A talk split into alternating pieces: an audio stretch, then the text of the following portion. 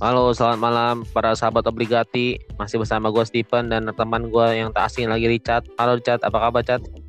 Malam Steve, baik-baik. Udah lama kita vakum nih. Iya, karena satu dua hal, bahkan sampai Atau sampai tiga delapan dan empat ya. hal. Iya, betul. Sampai delapan hal. Mudah-mudahan Ya. malam ini Hari ini podcast ada- lancar nih. Iya, karena sudah lama kita tidak menyapa dan tidak men- eh, podcast untuk menghibur sahabat obligati nih, yang mungkin setia mendengar podcast kita. Betul. Dan malam ini kita akan bahas topik yang masih lumayan fresh from the oven nih. Baru Champions dua hari lalu ya. Ya Champions. Champions League. League. Tepatnya eh, untuk malam ini kita akan bahas lebih dalam mengenai eh, tersingkir Juventus. Sebenarnya siapa sih yang punya andil dari tersingkirnya Juve ini gitu? Iya dari dari tersingkirnya Juve langsung banyak eh, pertanyaan kenapa salah siapa ini kenapa sampai tiga musim berturut-turut 16 besar 16 besar para mereka sudah memiliki Cristiano Ronaldo tapi pencapaian yang selama ini dinanti juara atau bahkan mencapai sebelum-sebelumnya paling nyampe final dua kali tapi ya, belum kesampaian juga ya pasti ada sesuatu masalah gitu di kubu Juventus sendiri kenapa gitu nggak bisa melaju Betul banget. Eh, gua iya. koreksi, gua koreksi dikit. Sebenarnya sih nggak tiga musim beruntun enam besar ya, karena 2018-19 tuh quarter final. Cuma quarter saat final itu, sorry ada eh, satu eh, Lawannya Ajax ya, yang secara eh, level dan kelas emang di bawah Juve gitu saat itu. Iya. Dan rata-rata lawan mereka juga tim-tim yang bukan gimana ya maksudnya ya, yang gitu ibarat- ibaratnya tim-tim yang di atas kertas masih di bawah Juve. Betul, kayaknya belum selevel Barcelona, Bayern ataupun Real ya.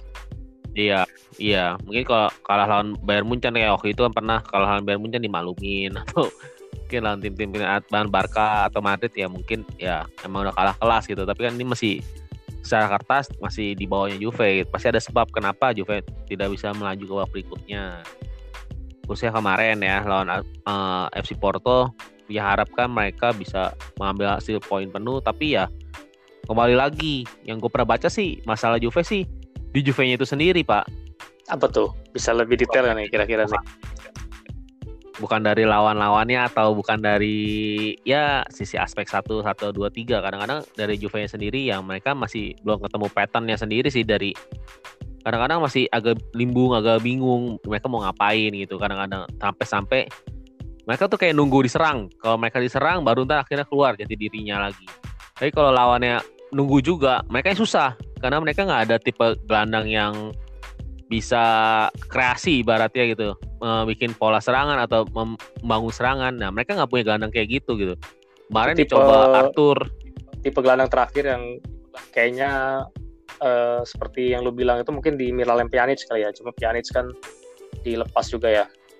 Jadi kayaknya Pjanic dilepas setelah playmakernya ya, juga ada Pjanic. benar-benar nggak ada ya. playmakernya nggak ada nggak ada. Karena manfaatin selalu dari sisi sayap dan yang paling mobile melakukan passing-passing ya Cuadrado khususnya kemarin waktu lawan Porto ya gue lupa sampai berapa kali passing dia tuh banyak banget tuh begitu gue baca Sampai satu asis ya di game lawan Porto kemarin satu ya. Asis second leg betul. No, iya Yang satu asis Chiesa, betul. bahkan itu eh, gol Chiesa itu satu asis dari Cuadrado bahkan kayaknya dua asis dapat satu lagi ya passing yang si Rabiot tuh juga kalau salah Cuadrado yang passing dah eh bukan bukan sorry sorry gua Berna. itu itu Bernadese Iya, Bernadese betul. yang passingnya Nah, set piece ya, koreksi. corner betul.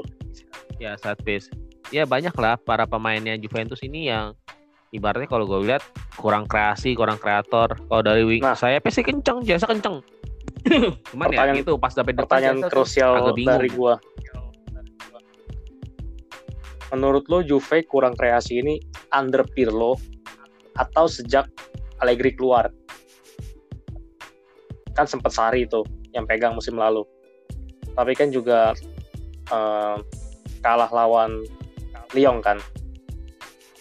iya Jadi menurut lawan lu- Lyon. dan langsung dipecat Kurang kreasi ataupun misalkan eh, kayak lo bilang kurang tadi kurang gelandang yang kreatif. pasti serang juga nunggu lebih nunggu reaksi lawannya kalau lawan agresif baru lebih mereka juga lebih agresif gitu itu lu lihatnya di eranya Pirlo atau sejak Allegri nggak ada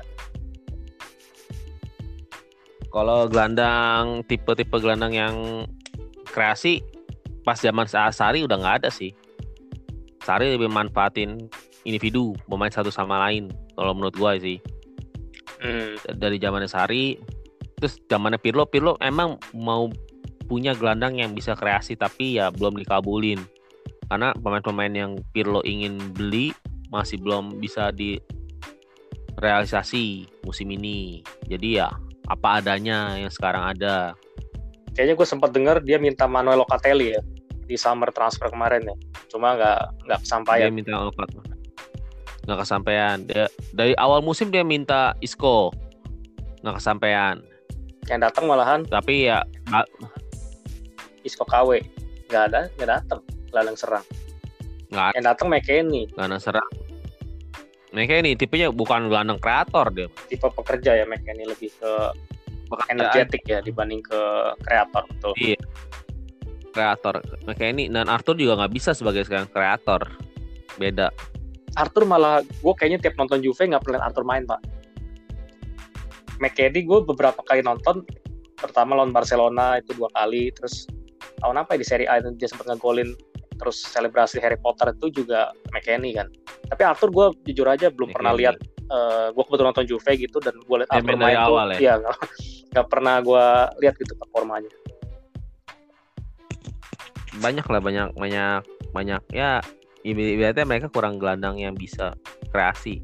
Mereka beli mereka bukan beli Ramsey maksudnya dari musim lalu udah ada Ramsey. Cuma Ramsey ya bukan tipe gelandang kreasi sih. Malah kadang Ramsey kalau gue bilang udah kayak main sendiri gitu ibaratnya ya ibaratnya kurang nyatu sama tim gitu kalau gue liat Ramsey main asik sendiri aja kalau di depan ditembak sendiri aja sama dia oh, ini masih julukannya Re Rembo Rembo Rembo Rembo abis tembak abis golin ada yang meninggal kalau dulu kan di Arsenal kan seperti itu abis yang ngegolin yeah. ada tokoh penting yang uh, apa meninggal. Tokoh penting.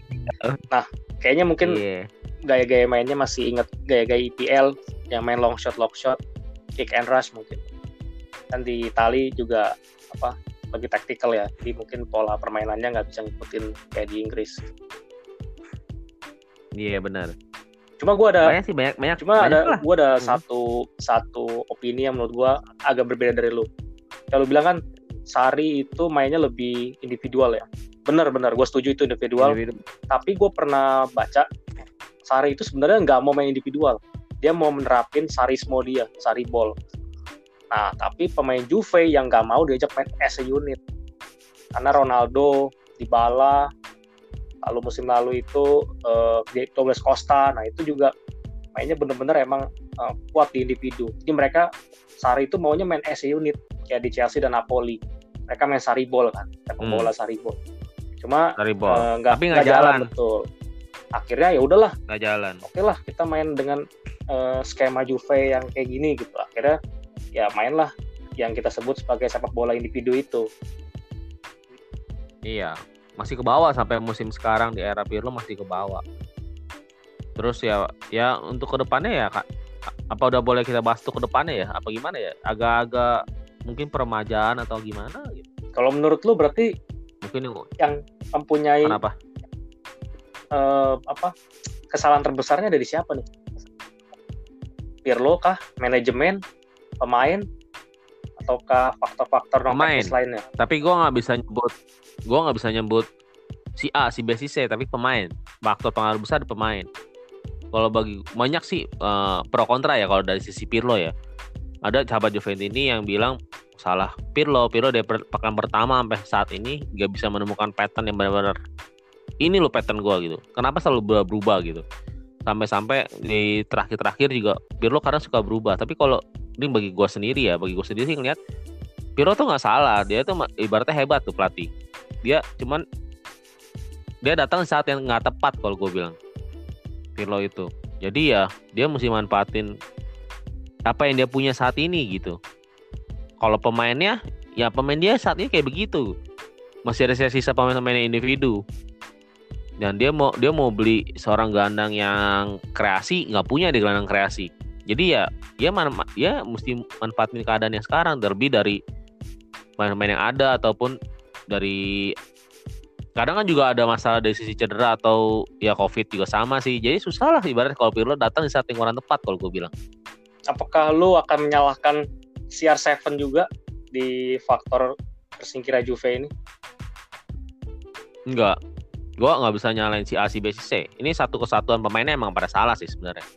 Nggak bisa kita bilang juru selamatnya misalnya CR7, jurus ya ibaratnya Tapi CR uh, pemainnya juga pasti tapi CR yang buang muka pas kick Yang- Oliveira ditembak. Pas free kick Oliveira. itu banyak pada ngomong dan segala Nicola Amoruso juga ngomong CR7 jangan jadi pagar karena kalau dia jadi pagar dia bakal melindungi mukanya takut kena tembak muka bola katanya. Dan terbukti emang dia buang muka tapi ya. balik I- itu dia dia takut kena muka tapi tapi kalau gue bilang nih gue bukan penganut CR7 atau apa enggak bukan. Gue ngeliat kalau dari sisi pagar siapa pun pemainnya yang paling salah nomor satu tuh kiper. Hmm. dia yang ngatur berapa orang yang tempatin. Empat tiga dan Chesney memilih tiga orang saja di situ.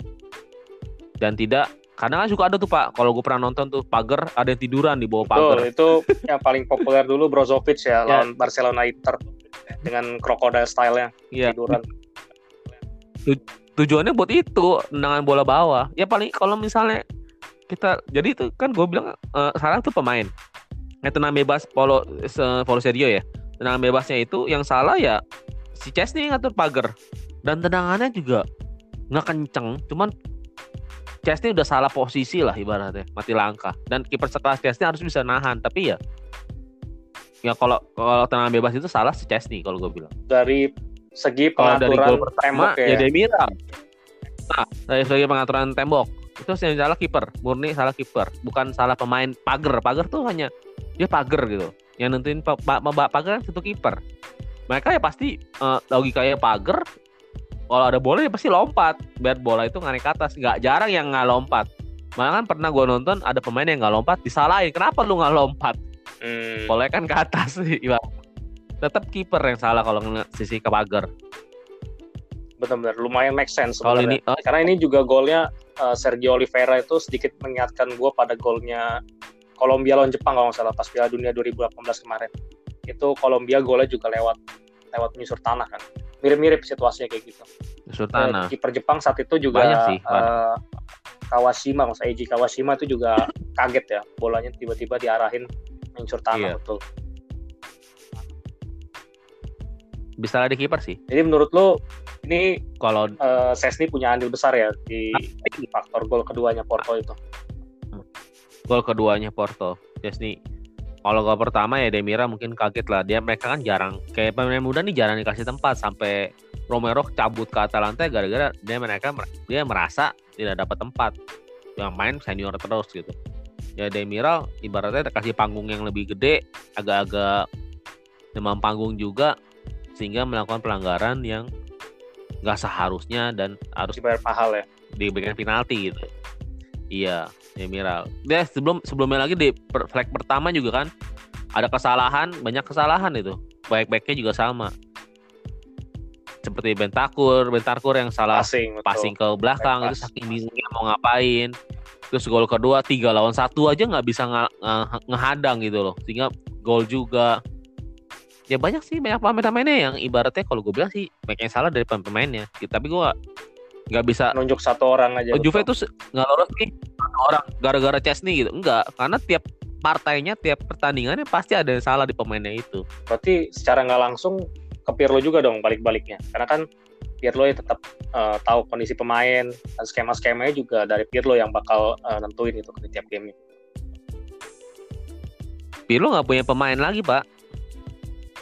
Dia mesti manfaatin apa yang ada Tadi sekarang. lu ngomong Kalau soal dikasih ke- senior nih, gua sedikit eh, mention iya. Fabio Capello bilang di akhir laga pemain senior Juve itu tidak ada yang berani menghadapi media setelah Juve out. Jadi yang berani interview setelah kekalahan itu, eh tersingkirnya Juve bukan kalah ya, karena menang 3-2. Tersingkirnya Juve itu karena adalah menang 3-2. Cuadrado, De Ligt, dan juga Chiesa. Capello mempertanyakan ke mana Bonucci, Chiellini, dan Buffon, para senator yang selama ini adalah wajahnya Juventus gitu. Tapi mereka tidak memberikan statement apa pun. Nah ini eh, dari lu sendiri, kira-kira lu setujukah dengan statement Capello ini? Karena ya Juventus kan tera- eh, mungkin Capello yang yang dia, dia ngelihatnya ya itu apa identiknya Bu Juventus tuh ya Chiellini, Bonucci, Buffon. Sebenarnya yang perlu gue kritik dari Capello, buat apa Buffon ditanya? Buffon kan nggak main.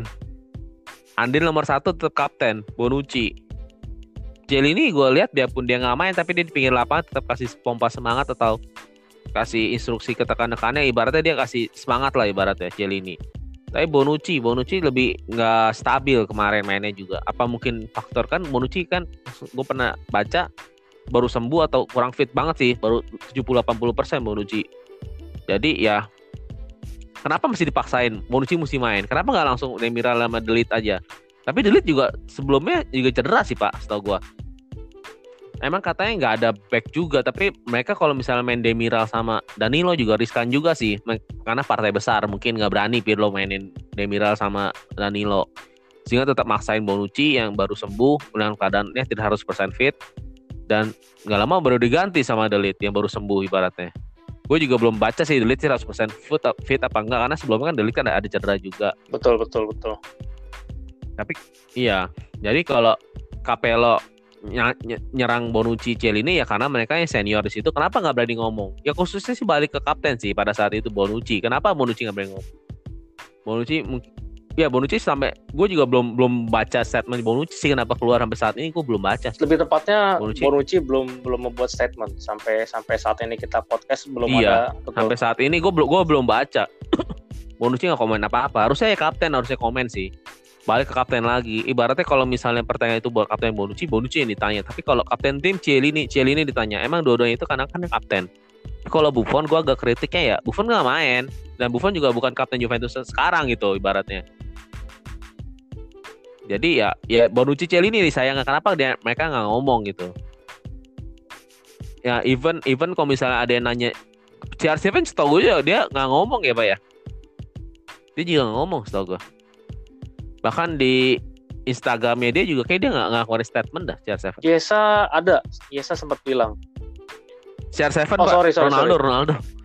CR7 gue Kesa CR oke okay, ya CR nggak nggak nggak CR kayak nggak ngomong apa ya, nggak ngeluarin statement apa pun sih. Nggak statement apa. Biasanya biasanya kalah menang CR sih suka posting di IG atau dia ngeluarin statement apa tapi untuk kemarin dia belum ngomong apa-apa sih. Terakhir gue baca. Bahkan ini gue baca di beberapa jam yang lalu nih, itu George Mendes, agent dari Ronaldo udah uh, siap-siap untuk bawa Ronaldo pergi dari Juve kembali ke Real Madrid. Sampai Sergio Ramos ngeluarin statement uh, bahwa pergian Ronaldo itu kesalahan besar dari Madrid. Jadi ke depannya apakah Ronaldo ini tetap di Juve, lihatnya atau kira-kira akan pergi di akhir musim? terakhir gue baca sih para petinggi Juve akan bicara dengan Mendes juga sama Ronaldo juga untuk masa depan ke depannya. Dua orang sih yang intensnya sih. Ronaldo sama Dybala mau ditanya. Mungkin, mungkin, mungkin ditanya uh, ke depannya Ronaldo gimana nih? Apa menurut sedia dipangkas gajinya dan masih ingin tetap continue menyelesaikan kontrak di Juve atau dia tidak mau pangkas gajinya dan akan pemutusan kontrak itu setahu gue tapi kalau ya sama di Bala juga sama sih ditanya. Uh, karena kan kedua pemain ini gaji betul, tinggi betul Pak ya, kita tahu sendiri. Iya. Jadi ya apalagi di Bala kontribusi musim ini sih waduh minim banget itu. Lebih akrab dengan meja operasi uh, cedera betul. itu di Bala. Lebih banyak cederanya. Meja operasi. Ya. Gaji buta Pak bahasa kasarnya Pak. Di Kayaknya terakhir itu. ngegolin lawan apa ya? Dinamo Kiev ya, singkat gue. Eh, atau apa gitu di Liga, Liga Dinamo Kiev ya, singkat gue, Liga Champions. Yang away game itu. Ini udah saking Lupa, lamanya tuh. Woi, sih 2020 nih. Tahun ini kayaknya belum gol 2021 nih. Iya. Tahun ini belum. Di Bala lebih akrab banget sama meja operasi. Jadi ya ada pembicaraan intens si dua ini. Tapi kalau yang gue pernah yang gue baca juga sih ada beberapa pemain yang harus angkat kaki. Tapi gue nggak tahu bener ya, karena belum sampai statement resmi ya. Baru ya sumber-sumber kiri kanan kiri kanan aja sih ada beberapa pemain yang ya silakan angkat kaki kayak Sandro kapten pengganti kemarin tuh angkat kaki katanya lebih peremajaan ke Pellegrini nanti Pellegrini tarik Pellegrini lagi. ya yang lagi di Genoa saat ini iya iya mau ditarik lagi untuk back Demiral sama Delit yang akan mengganti Bonucci Celini Celini katanya pensiun tuh yang gue pernah baca tuh katanya Celini mau, jaj- mau disodorin eh, jajaran staff sehingga dia pensiun. Jadi ini gitu. Tapi kalau Bonucci gue belum tahu saat ini gimana Bonucci. Hmm, tapi kan bisa balik lagi kayak Buffon udah ke PSG semusim pulang lagi. Kurang lagi. Kalau Bonucci gue nggak tahu kabar gimana. Kalau ini pensiun kata sih. Tapi nggak tahu dia belum keluar statement resmi sih baru dengan segelintir aja kiri kanannya kalau Bonu Bonu ini pensiun. Hmm. Kalau Cuadrado sih masih. Jadi menurut tapi kalau Chesney jadi menurut Hah, kenapa? jadi menurut lu sendiri ini kesalahan dari faktor pemain ya. Faktor pemain, yang pemain. uh, kurang bisa sepertinya mengimplementasikan strategi dari Pirlo gitu ya. Terbukti dari apa reaksi mereka di lapangan ataupun Iya. uh, insiden-insiden kayak misalkan Iya. back pass Bentancur lah ataupun pelanggaran Demiral lalu uh, apa pengaturan Ya, tembok dari Sesni yang sebenarnya nggak akurat gitu ya betul Chesney. Iya, pemainnya sendiri, Pak. Kayak ibaratnya balik ke mental lagi sih. Mereka ya dengan nama besar mereka harusnya mentalnya bisa terjawab. Ada kabar ber- kabar baik Rabiot gara-gara gol begitu jadi perpanjang Oh, aja. sebenarnya musim lalu udah udah 50-50 ya mau tahan apa enggak ya Ngomongnya, betul, angkat betul. kaki. tapi Musuh angkat kaki karena gaji dia juga lumayan betul. sih, tinggi juga. itu agentnya mamanya sendiri Veronik Iya. jadi eh, katanya cukup susah negonya dengan Rabiot Iya, Rabiot tetap bertahan. tapi menurut gua sih Nanti faktor yang membuat Juve kalah ini ada satu orang dan gue bisa tunjuk orang itu siapa. Kalau menurut gue nih ya jawabannya itu Fabio Paratici. Iya. dia yang bikin Juve kalah. Kenapa? Lo lihat. Dia aman sih, dia Pak. sekarang Di depan eh, aman katanya. dia yang bikin eh, Juve yang angkat Pirlo ya. Dari kalau kita runut-runut lagi nih ya. Eh, Pirlo itu kayak lu bilang Iya. gue setuju. Pirlo itu nggak salah. Dia orang yang mungkin benar di waktu dan eh, tempat yang salah. Kayak lu bilang tadi dia join Juve setelah eh, Iya. 9 kali Scudetto. Itu beban bagi dia. Ini eh, klub pertama dia di tim senior ya. Klub yang dia latih pertama. Tidak punya Iya. pengalaman melatih nol besar. Jadi kalau ada eh, fans di luar sana yang bilang oh ini sama seperti Zidane ataupun Pep gua rasa beda. Kenapa Pep dan Zidane sempat megang tim junior dan tim tim cadangan loh Barcelona B sama Real Madrid Castilla Pirlo sejatinya Jadi Betul. asisten juga pernah Zidane kan? pernah aslinya Ancelotti jadi betul asisten pernah. Eh, Benar. Pirlo benar-benar nol. Setelah lulus kepelatihan, tadinya kan diproyeksikan untuk Juventus under 23 ya. Betul. Junior. Nah, terus 23. eh, karena Iya. Sari di Depak, naiklah Pirlo. Siapa yang ngasih Agnelli itu eh, nasehat dalam tanda kutip untuk kita promosin aja Pak Andrea Pirlo. Pasti para cici bisik-bisik. Kenapa dia nggak tarik balik? Let's say ya gua ngomong eh, asal aja nih ya Allegri pulang misalkan ataupun saat itu Pochettino kan nganggur dan itu sebenarnya kalau mau dicoba sih ya lebih worth it coba mereka ya karena kan reputasinya juga udah eh, terjamin gitu dibanding seorang Pirlo betul terjamin. dan sekarang emang Tapi gaji balik ke gaji Pak. Pirlo tuh gaji murah banget. gaji murah ya emang murah sih cuma dibanding bertaruh murah. eh, satu musim ibaratnya nih kan udah champion tersingkir Tapi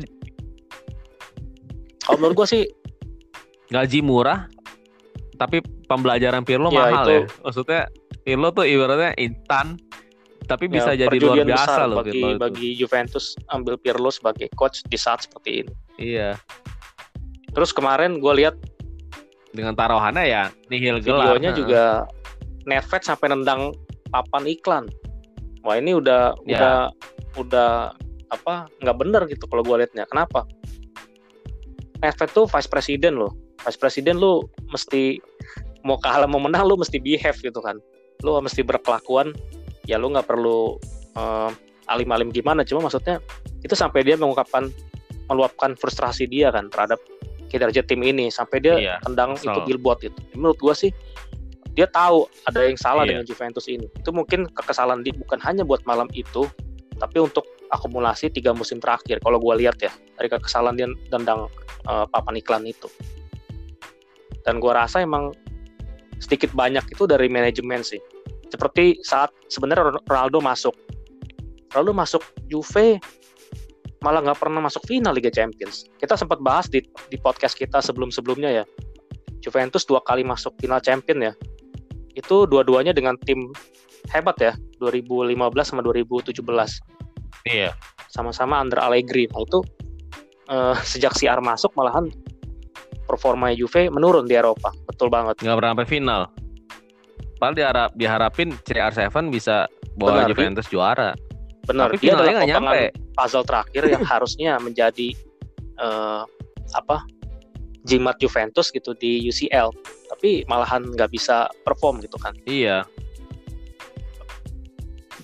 Puzzle terakhir malah ngerontok puzzle-puzzle lainnya. ya. Kalau kita lihat sih benar-benar turun nih tiga musim terakhir nih come on itu Ajax, Lyon sama turun, Porto. di Eropa turun. Itu juga uh, tim yang emang di iya. atas kertas juga kualitasnya di bawah Juve gitu. Jadi emang kalau gue sih uh, kalau gue di harus nunjuk satu orang yang salah itu Paratici, jelas. Itu jelas banget. Dari dia ambil uh, Ronaldo, bahkan gosipnya hari itu uh, saat itu dia sempat uh, bersih tegang ya sama Marota ya. Marota kira kan cabut karena Marota nggak mau ambil CR7 saat itu karena menurut dia costnya nggak sebanding nih sama uh, performanya tapi para Tici berhasil meyakinkan Agnelli mm -hmm. itu ambil CR marketingnya brandingnya performa dia kontribusi dia itu bisa ngangkat Juve ke level selanjutnya yang mana sampai podcast ini kita live juga belum kelihatan kan peran besar dari CR gitu di Liga Champions. Liga Champions hasilnya sih jauh dan diharapin ya dia ngarepin ya satu CR7 juara juara Champions League dan kata-kata lainnya belum dari segi marketing. Tapi nyangka ada covid ya pak. Jadinya tetap jadi si Malakama jadi berbalik lagi ke Juve betul betul manajemen Juve. Gaji tinggi pendapatan iklan berkurang gak ada pemasukan gak ada pendapatan berkurang tapi tetap mesti bayar kos yang gede dari CR7 Juve siap Pusing sendiri CR7 dengan harga 29 juta euro di akhir musim. Terakhir 29 gue 50 hari ini gua uh, hari ini gue baca nih sekitar berapa jam yang lalu itu supaya nggak nggak rugi-rugi banget dia mesti jual tuh 29 juta. Dan saat ini klub yang dirasa mampu buat ngangkut CR7 tuh hanya ada tiga yaitu Real Madrid, PSG tentu saja. Satu lagi itu Sporting Lisbon uniknya klub lama dia karena mungkin uh, Ronaldo mau Ya. Di usianya betul, ya segini dia mau lah, pensiun. Balik ke klub asalnya gitu. Karena Ronaldo pernah bilang dia mau nostalgia sebelum pensiun sih dia mau balik ke klub Portugal betul. asalnya sih.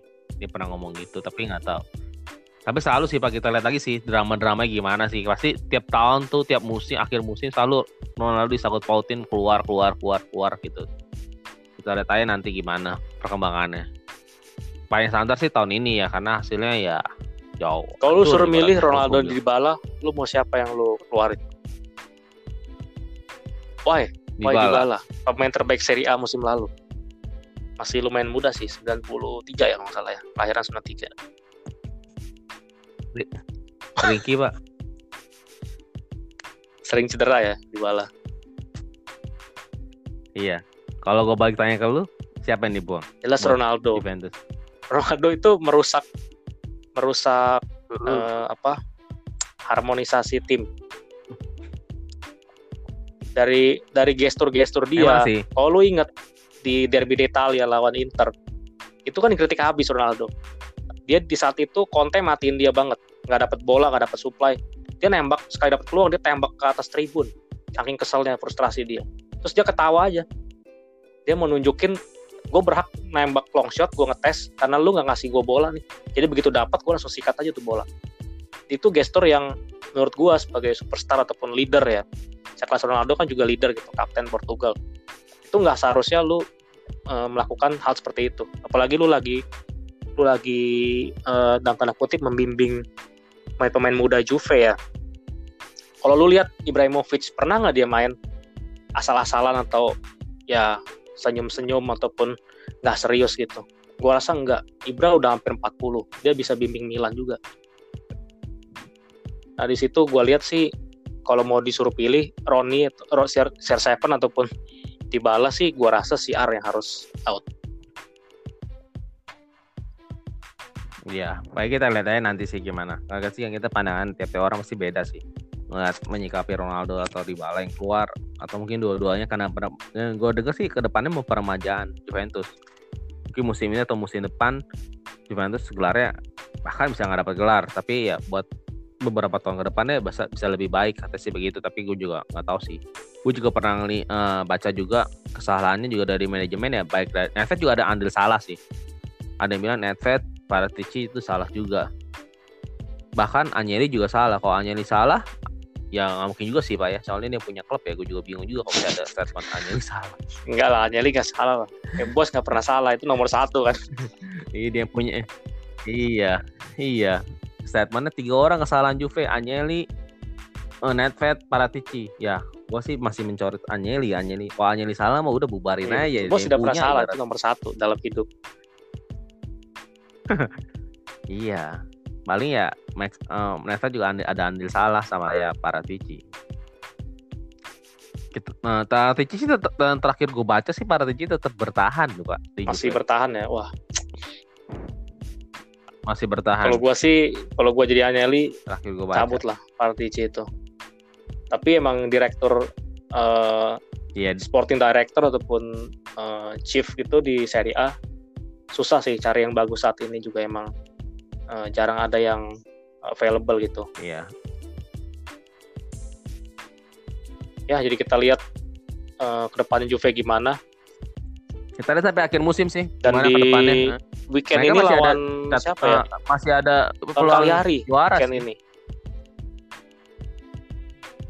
Tandang. Weekend ini ke ya, Arena. lawan Cagliari, tandang kanan.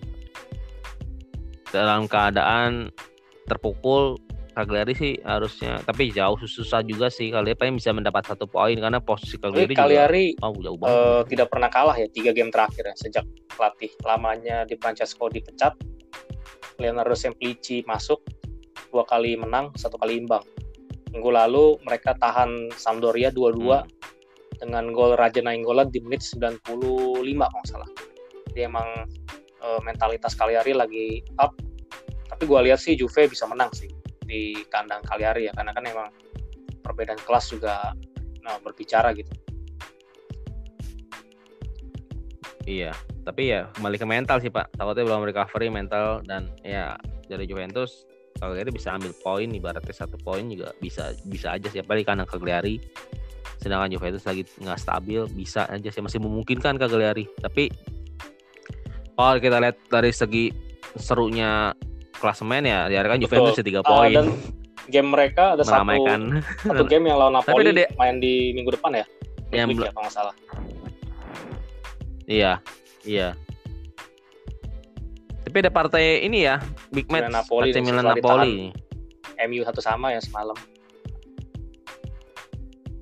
Iya. Milan dapat dapat satu gol di kandang MU lumayan ya. Berarti tadi kandang Milan ya ibaratnya dia ada gol tandang ya kan Milan bisa ngambil kesempatan ini. Hingga bisa lanjut Betul, babak berikutnya. Emang, bahkan semalam itu sebenarnya MU nggak pantas menang tuh kalau dilihat dari uh, alur permainan ya. Apalagi bab pertama itu Milan lebih uh, menguasai. Betul. Menguasai. Benar. Ya semoga aja Milan ya Milan kan juara Eropa ibaratnya gitu loh mental paling Tapi kuat. Tapi mentalnya ya, kan di harusnya. Champions League ini bisa bantu berbeda nih Europa League. Champions League sih. Balik balik pembaca pembicaraan kita biasanya uh, sebelum-sebelum nih podcast tuh Pak ya tim-tim Serie A kalau misalnya di Eropa iya, League ya, kurang greget. kayak kurang greget ya. Biasanya uh, paling mentok semifinal ya. Main final Inter sekali juga kalah. I, final pernah Pak, Inter Pak. Iya. Lawannya ketemunya Iya, ketemunya rajanya Eropa League, Sevilla. Inter juga tiga kali juara UEFA ya, pas iya. kompetisi ini masih UEFA Cup. Iya. Cuma kalau ketemu Sevilla mah tim mana juga hancur aja tuh susah Sevilla ya, kalau Eropa League. Uh, apa raja Eropa League mereka.